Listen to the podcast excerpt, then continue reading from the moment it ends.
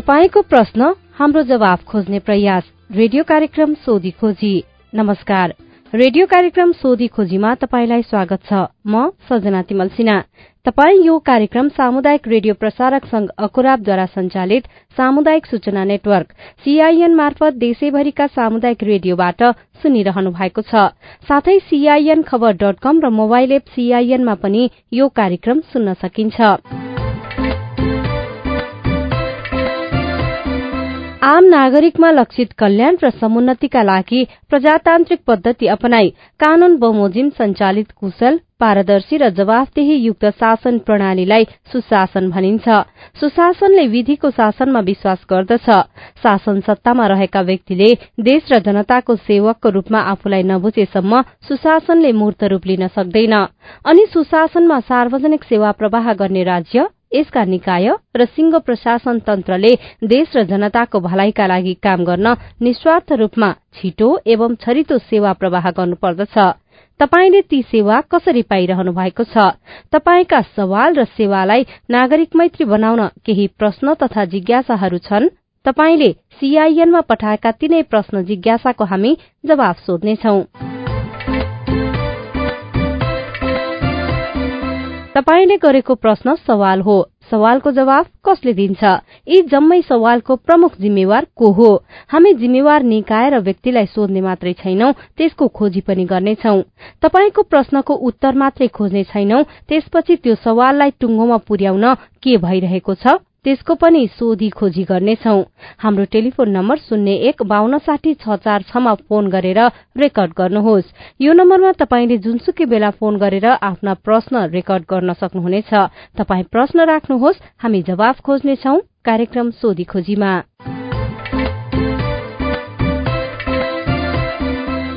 देश संघीयतामा गएपछि सात सय त्रिपन्नवटा स्थानीय सरकार छन्। सात प्रदेश सरकार र केन्द्रमा संघीय सरकार छ। संघ प्रदेश र स्थानीय सरकारबाट सम्पादन हुने काममा ढिलासुस्ती छ अनियमितता भएको छ नियम मिचेर कसैले काम गरेको छ भने तपाईँले ती गुनासा सीआईएनमा राख्न सक्नुहुनेछ। घर दैलोमा सरकार पुगेपछि नागरिकले प्रभावकारी सेवा पाउने र विकासको कामले प्राथमिकता पाउने आशा गरिएको थियो। के नागरिकले त्यही आशा अनुसारको सेवा पाइरहेका छन्? छैनन् भने ती प्रश्न पनि तपाईँले राख्न सक्नुहुनेछ। आज हामीसँग शिक्षक सेवा आयोगसँगै अरू विविध विषयमा आएका प्रश्न अनि ती प्रश्नको जवाब छन्। शुरूमा शिक्षक सेवा आयोगसँग सम्बन्धित प्रश्न अनि ती प्रश्नको जवाब। सबै प्रश्नको जवाफ दिँदै हुनुहुन्छ शिक्षक सेवा आयोगका सूचना अधिकारी सुदर्शन मरहटा नमस्कार म डेली प्रसाद चौलगाई जुम्ला जिल्ला तारापानी गाउँपालिकाबाट।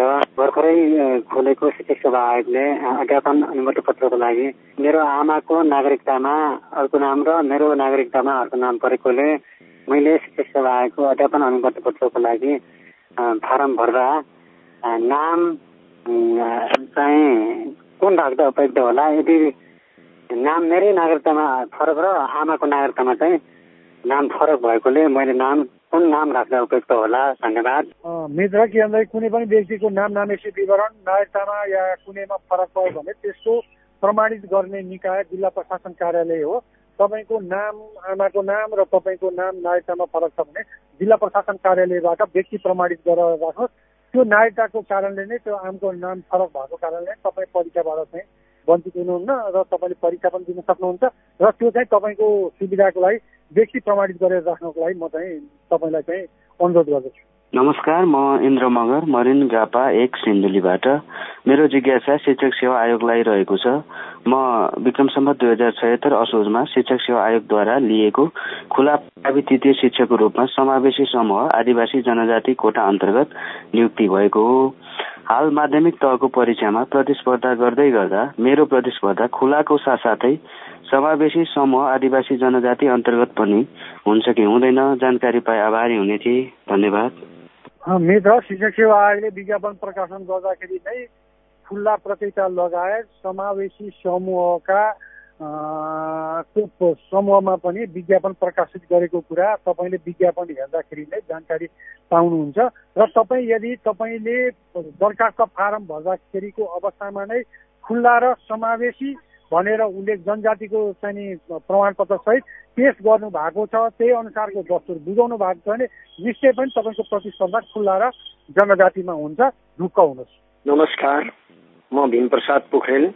गुल्मी जिल्ला दुर्कोट गाउँपालिका वार्ड नम्बर एक नयाँ गाउँमा स्थित नयाँ गाउँ माविमा कार्यरत स्थायी शिक्षक हो। मेरो प्रश्न शिक्षक सेवा आयोगसँग सम्बन्धित छ। म मेरो सेवा अवधि तिस वर्षमा चलिरहेको छ। म दुवै खुट्टाको शारीरिक अपाङ्गता भएको शिक्षक हो। म दुई हजार अडसठी साल अडसठी मङ्सिरमा प्रावि द्वितीय श्रेणीमा बढुवा भएको हो। दुई हजार अठहत्तर सालमा बढुवा फारम खुलेको थियो। मैले पनि प्रथम श्रेणीको फारम भरेको छु। अपाङ्गता परिचय पत्र लगायत त्यहाँ आवश्यक पर्ने योग्यता तालिमका सम्पूर्ण डकुमेन्ट संलग्न राखे तर अपाङ्गता भएकालाई बडुवामा आरक्षण कोटा छैन भन्ने सुने। म सेवामा प्रवेश गर्दा त आरक्षण कोटा नै थिएन तर अहिले त हरेक ठाउँमा कानूनले व्यवस्था गरेको छ भन्ने सुनेको छु। तर शिक्षक बडुवामा आरक्षण कोटा नभएको हो या त मेरो सुनाइमा भ्रम हो यो सम्बन्धित निकायबाट खुलस्त जानकारी गराइदिनु हुन म विनम्र अनुरोध गर्दछु। एकदम धन्यवाद मित्र। तपाईँको चाहिँ किनकि खुल्ला प्रतियोगितामा तपाईँले सुनेको जस्तो अपाङ्गता भएकोमा चाहिँ त्यसको चाहिँ आरक्षण कोटा उपलब्ध गराएको छ र शिक्षक सेवा आयोगबाट त्यसरी नियुक्त भएका शिक्षकहरूको हकमा अपाङ्गता बापत उहाँहरूको ज्येष्ठता पैँतिस नम्बर तोकिएको छ। यदि पैँतिस नम्बर पुगेको छैन भने त्यसका उमेर त्यस्ता अपाङ्गता महिला र दलितहरूको लागि चाहिँ नि विशेष सुविधा बापत एक वर्षको टु पोइन्ट फाइभको चाहिँ नि अतिरिक्त अङ्क दिने व्यवस्था शिक्षक सेवा आयोग नियावलीले बढुवा प्रयोजनको लागि गरेको छ। अब तपाईँ आफै मूल्याङ्कन गर्नुहोस् आफै चाहिँ आफ्नो अङ्क गणना गर्नुहोस्। यदि तपाईँको पैँतिस वर्ष पैँतिस नम्बर ज्येष्ठता बापत अङ्क पुगेको छ भने तपाईँलाई थप दुई पोइन्ट पाँच अङ्क बढी दिएर प्रतिस्पर्धामा चाहिँ ल्याउने नियावलीले व्यवस्था गरेको छ। नमस्ते मेरो नाम रमेश थापा डुल्लु दैलेखदेखि मैले कर्णाली प्रदेशबाट सेवा आयोगको लाइसेन्सको फर्म भरेको थिएँ। अहिले म गण्डकी प्रदेशमा छु। यहाँबाट मैले पाउँछु कि पाउँदैन? यदि पाउँछु भने के के गर्नुपर्छ? जानकारी पाएको भए म आभारी हुने थिएँ मित्र हामीले चाहिँ दरखास्त फारम यो विज्ञापन प्रकाशन गर्दाखेरिकै अवस्थामा परीक्षा दिने प्रदेशहरू चाहिँ उम्मेद्वारहरूलाई छनौट गर्न यहाँहरूले नै छनौट गरेकै प्रदेशमा चाहिँ परीक्षा सञ्चालन हुन्छ।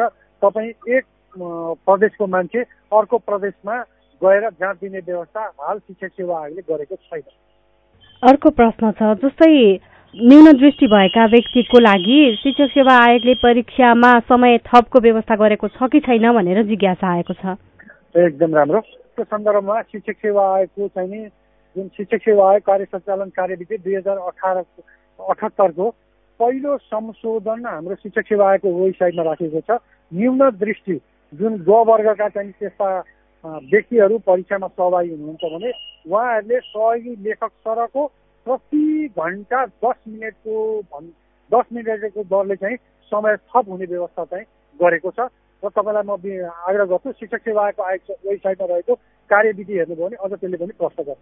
यसको लागि व्यक्तिले परीक्षा दिनुभन्दा अगाडि नै कता गएर आफ्नो बारेमा जानकारी गराउनु पर्ने हुन्छ यस सन्दर्भमा उहाँ जो व्यक्तिहरू हुन्छ उहाँ चाहिँ हाम्रो परीक्षा सञ्चालन हुने जुन जिल्लाको समन्वय एकाइमा गएर आफ्नो चाहिँ किनकि अपाङ्गताको मेरो यस्तो खालको यो सुविधा दिनुहोस् यो सुविधाको लागि चाहिँ मलाई सिफारिस गरिदिनुहोस् भनेर उहाँहरूले निवेदन दिएपछि हाम्रा समन्वय एकाइका चाहिँ प्रमुखहरूले उहाँलाई चाहिँ सहजीकरण गर्ने र त्यसको पत्र बनाएर दिनुहुन्छ।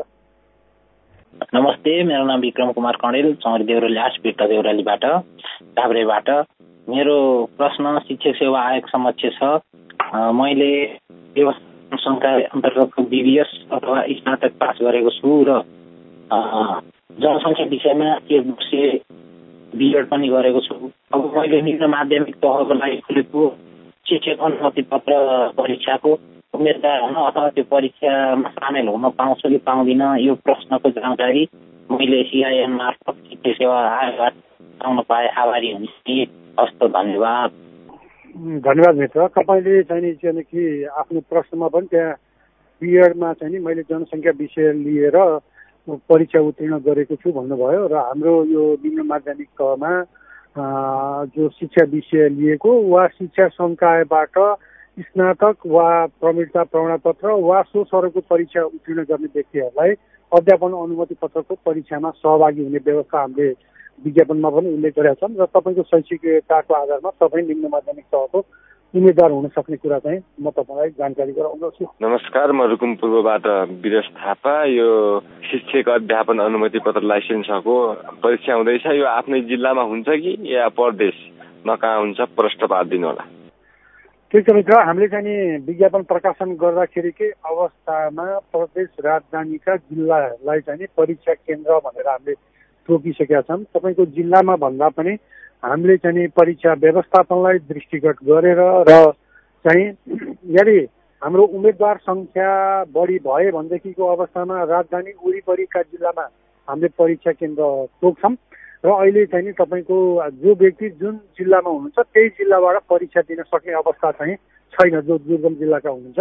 र यसमा मैले अझ तपाईँलाई स्पष्ट गरौँ। पूर्वाञ्चलको हकमा भनौँ प्रदेश नम्बर एकको हकमा मोरङबाट दुईको हक यता मध्य प्रदेशको हकमा जनकपुरबाट बागमती प्रदेशको हकमा मकवानपुरबाट गण्डकी प्रदेशको हकमा कास्की त्यसपछि रूपन्देहीको हकमा रूप यता भनौँ हाम्रो लुम्बिनी प्रदेशको हकमा रूपन्देही कर्णाली प्रदेशको हकमा सुर्खेत र सुदूरपश्चिमा पश्चिम प्रदेशको हकमा चाहिँ हाम्रो कैलालीबाट परीक्षा सञ्चालन हुन्छन् यदि ती जिल्लाहरूमा हाम्रो उम्मेद्वार सङ्ख्या बढिरहे त्यहाँ भौतिक पूर्वाधारहरू चाहिँ भएनन् भनेदेखि वरिपरिको अन्य जिल्लाहरूमा पनि हाम्रो परीक्षा केन्द्र चाहिँ तोकिन्छ तर सम्बन्धित जिल्लामै पर्छ भनेर चाहिँ अहिले भन्न सक्ने अवस्था छैन।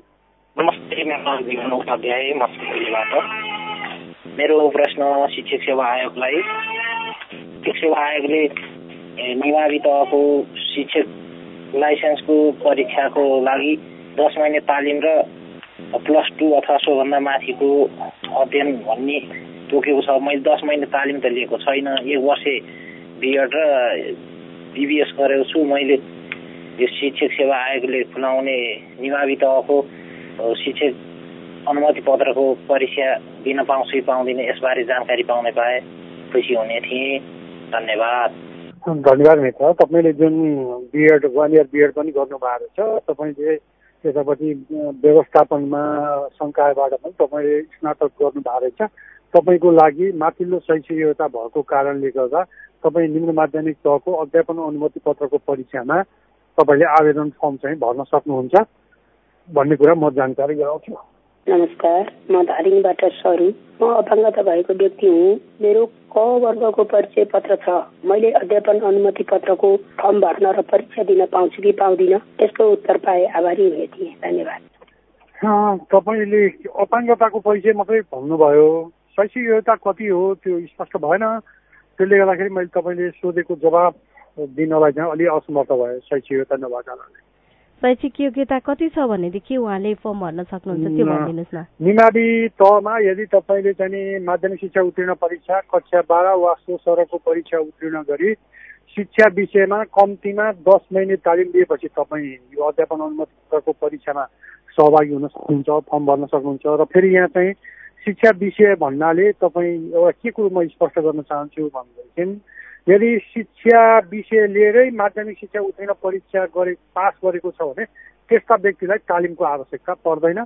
त्यस कारण तपाईँको यो शैक्षिक योग्यता छ भने तपाईँ फर्म भर्न सक्नुहुन्छ। एकताल आफ्नो शैक्षिक योग्यतालाई हेर्नुहोस्। उहाँ हुनुहुन्थ्यो शिक्षक सेवा आयोगका सूचना अधिकारी सुदर्शन मरहट्टा। आयोगसँग सम्बन्धित प्रश्नको जवाफ दिँदै। तपाई अहिले कार्यक्रम सोधी खोजी सुनिरहनु भएको छ। यो कार्यक्रम सामुदायिक रेडियो प्रसारक संघ अखुराबद्वारा संचालित सामुदायिक सूचना नेटवर्क सीआईएन मार्फत देशैभरिका सामुदायिक रेडियोसँगै सीआईएन खबर डट कम र मोबाइल एप सीआईएनमा पनि सुन्न सकिन्छ। कार्यक्रममा हामी तपाईँको प्रश्न लिन्छौ अनि ती प्रश्नको जवाब सम्बन्धित निकायलाई सोध्छौ। तपाई पनि कार्यक्रममा सहभागी हुन सक्नुहुनेछ। त्यसको लागि तपाईँले शून्य एक बान्न साठी छ चार छमा फोन गरेर आफ्नो प्रश्न जिज्ञासा गुनासा अनि समस्या रेकर्ड गर्न सक्नुहुनेछ। केही बेर अघि हामीले शिक्षक सेवा आयोगसँग सम्बन्धित प्रश्नको जवाफ लियौं। शिक्षक सेवा आयोगका सूचना अधिकारी सुदर्शन मरहटाबाट अब अरू विषयतिर लागौं। मेरो नाम सन्तोष कर्ण हो। मेरो घर जलेश्वर नगरपालिका दुई नम्बर वार्डमा पर्छ। मेरो प्रश्न शिक्षा मन्त्रालयसँग रहेको छ निजी विद्यालयहरूले जुन आफ्नो ड्रेस लगाउँदा vest track belt tie jersey इत्यादि कुराहरूमा तिन चार गुणा भन्दा बढी मूल्य बढाई मन पर्दो ढङ्गबाट बेच्ने गर्छ।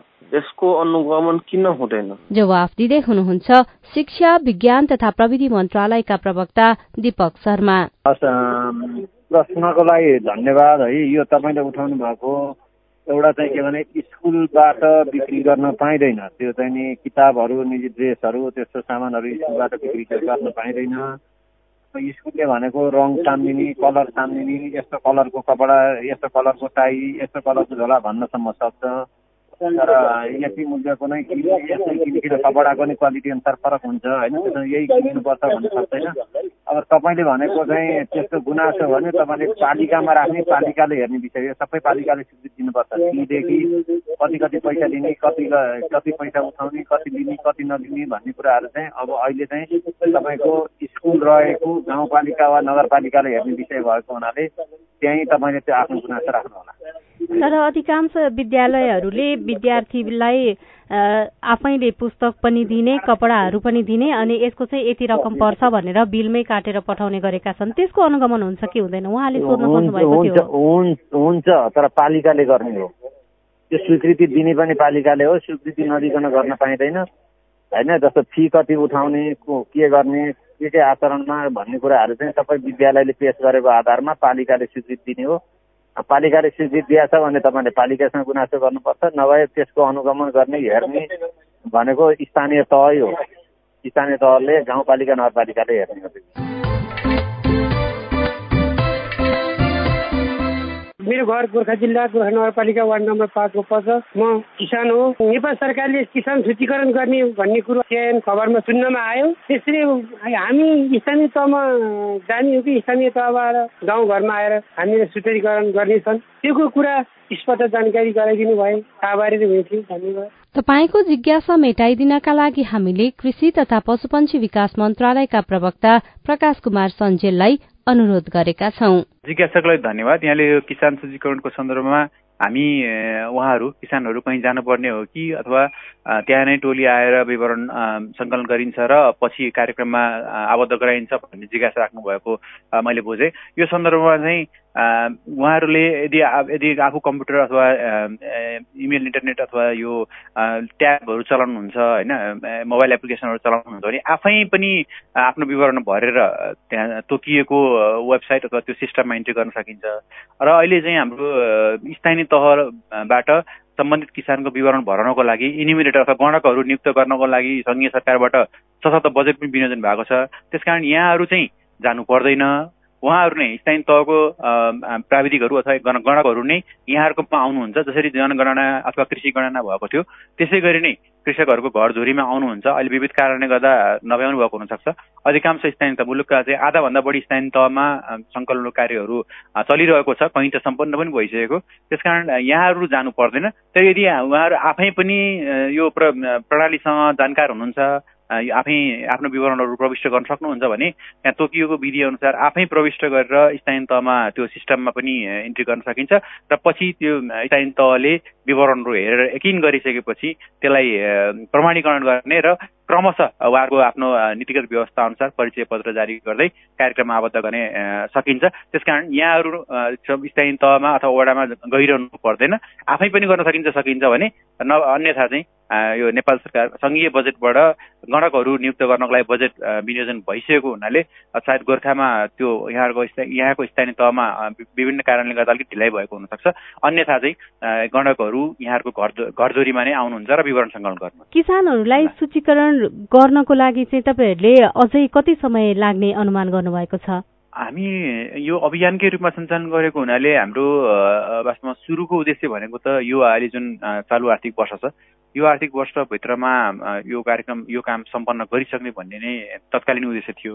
तर यो बिचमा अलिकति अब चुनावको प्रभाव पनि रह्यो होइन। स्थानीय तहमा जुन चुनावहरू भयो त्यसले गर्दाखेरि पनि अलिकति हामीले अपेक्षाकृत रूपमा गति लिएको थिएन। र अहिले चाहिँ बिचमा राम्रो गति पनि लिएको छ। करिब हाम्रो छ लाखको हाराहारीमा किसानहरू सूचीकृत भइसक्नु भएको छ।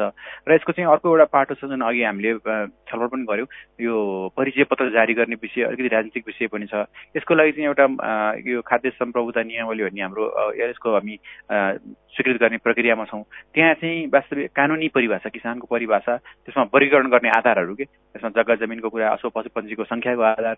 ती आधारहरूको आधारमा किसानको लागि चाहिँ वर्गीकरण गर्ने र त्यसको आधारमा मात्रै परिचय पत्र जारी गर्नुपर्ने भएको हुनाले अहिले चाहिँ सूचीकरणको कामहरू होइन सँगै सञ्चालन गर्दै गर्ने र पछि चाहिँ यो आगामी आर्थिक वर्षको अन्त्यसम्ममा चाहिँ परिचय पत्र पनि जारी गर्ने गरी अब हामी चाहिँ अलिकति सुरुको लक्ष्यमा अलिक संशोधित लक्ष्य जस्तो भयो हाम्रो यो दुइटै कामलाई सूचीकरण गर्ने काम र त्यसपछि परिचय पत्र जारी गर्ने कामलाई आगामी आर्थिक वर्षको आधा आधासम्म करिब सकियो भने हाम्रो आगामी वर्ष हामीले कृषक पेन्सनको जुन अहिले आगामी वर्षको बजेटमा आएको छ त्यसलाई कार्यान्वयन गर्नको लागि पनि यो एउटा पूर्व शर्त भएको हुनाले अलिकति संशोधित लक्ष्य चाहिँ अब हामी आगामी आर्थिक वर्षको मध्य अवधिसम्ममा यो यो प्रक्रियालाई अगाडि सम्पन्न गर्छौँ भन्ने हाम्रो संशोधित लक्ष्य रहेको छ। किसान परिचय पत्र सँगै किसान सूचीकरण परिचय पत्र सँगसँगै आउने कुरा भनेको किसान पेन्सन कार्यक्रमको पनि हो। तर यो किसानको सूचीकरण नै नसकिँदा किसान पेन्सन कार्यक्रम पनि लम्बिरहेको छ भनेर गुनासोहरू पनि आउने गरेका छन् नि। एक हदसम्म लम्बिने भन्दा पनि अब हुन त हामीले विगतमा पनि यो किसान पेन्सन कोष अथवा किसानहरूलाई सामाजिक सुरक्षामा लानुपर्छ भनेर विगतमा पनि केही वर्ष पहिलादेखिकै मन्त्रालयको आफ्नो किसिमको तयारी केही दस्तावेजहरू बनाएको पनि अवस्था छौँ। र अहिले चाहिँ यो बजेट वक्तव्यमा एउटा कोषको व्यवस्था गरेर केही थोरै बजेट पनि राखिएको अवस्था छ। र त्यसको चाहिँ अब ढिला हुने भन्दा पनि त्यही भएर हामीले यो बजेटमा आइसकेको विषयलाई छिटो कार्यान्वयन लग्नको लागि पनि अहिले जुन प्रक्रियामा रहिरहेको छ यसलाई चाहिँ हामी छिटै अगाडि बढाउने र यो यो बाहेक अरू विषय पनि आकर्षित हुन्छ। किसान यो किसान पेन्सन कोषमा किनभने यसमा यो अलिकति एउटा कृषि तथा पशुपन्छी विकास मन्त्रालय मात्रैले गर्ने किसिमको कार्यक्रम छैन। यसमा अर्थ मन्त्रालय राष्ट्रिय हाम्रो नेपाल राष्ट्र बैङ्कहरू पनि आकर्षित हुन सक्छन्। अरू अन्य सरकारहरू पनि छन् होइन? यो अलिकति यस्तो किसिमको कोष सञ्चालन गर्ने चाहिँ कृषि मन्त्रालयले आफैले गर्दैन।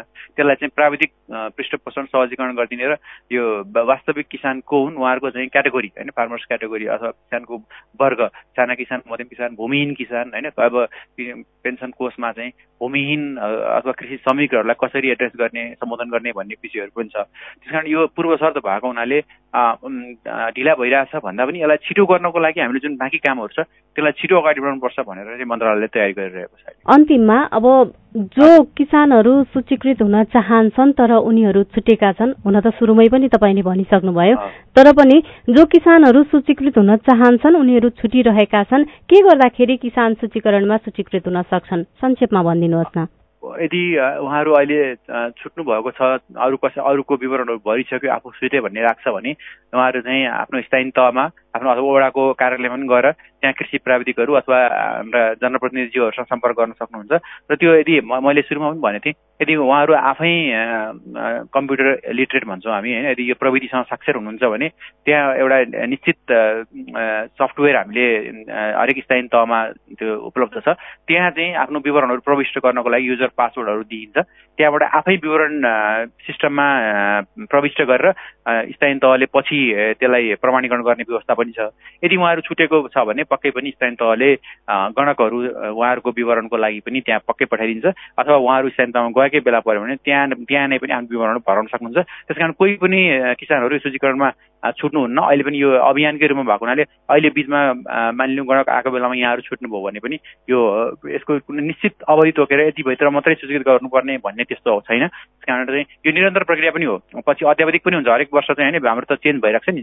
जग्गा जमिनको अथवा लगाइने बाली उत्पादनको कुराहरू परिवर्तन पनि भइरहेको छ। त्यस कारण यो एउटा निरन्तर चल्ने प्रक्रिया हो। अहिले तत्काललाई छुट्यो पनि समावेश गर्ने विभिन्न विधिहरू छन्। आफै यदि सकिन्छ भने आफै इन्ट्री पनि गर्न सकिन्छ।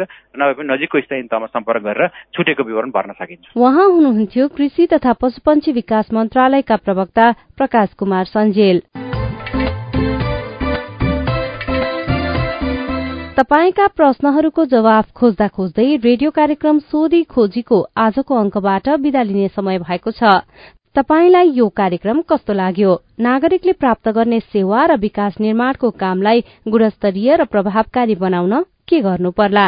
तपाईँका केही सुझाव र टिप्पणी छन् भने हाम्रो टेलिफोन नम्बर शून्य एक बान्न साठी छ चार छमा फोन गरेर आफ्नो प्रश्न रेकर्ड गर्न सक्नुहुनेछ। यो नम्बरमा तपाईँले जुनसुकै बेला फोन गरेर आफ्नो प्रश्न रेकर्ड गर्न सक्नुहुनेछ। तपाई प्रश्न राख्नुहोस् हामी जवाब खोज्नेछौ कार्यक्रम सोधी खोजीमा। यो कार्यक्रमलाई थप प्रभावकारी बनाउन तपाईँको सुझाव महत्वपूर्ण रहनेछ। हेलो सीआईएनमा हरेक दिन र रेडियो कार्यक्रम मार्फत अर्को हप्ता तपाईँका प्रश्नको जवाब खोज्दै आइपुग्नेछौ। आजका लागि प्राविधिक साथी सुनिल राज भारतलाई धन्यवाद। अहिलेको रेडियो कार्यक्रम सोधी खोजीबाट सजना तिमल सिना विदा हुन्छु। प्रश्न सोध्न अप्ठ्यारो नमानौ। नमस्कार।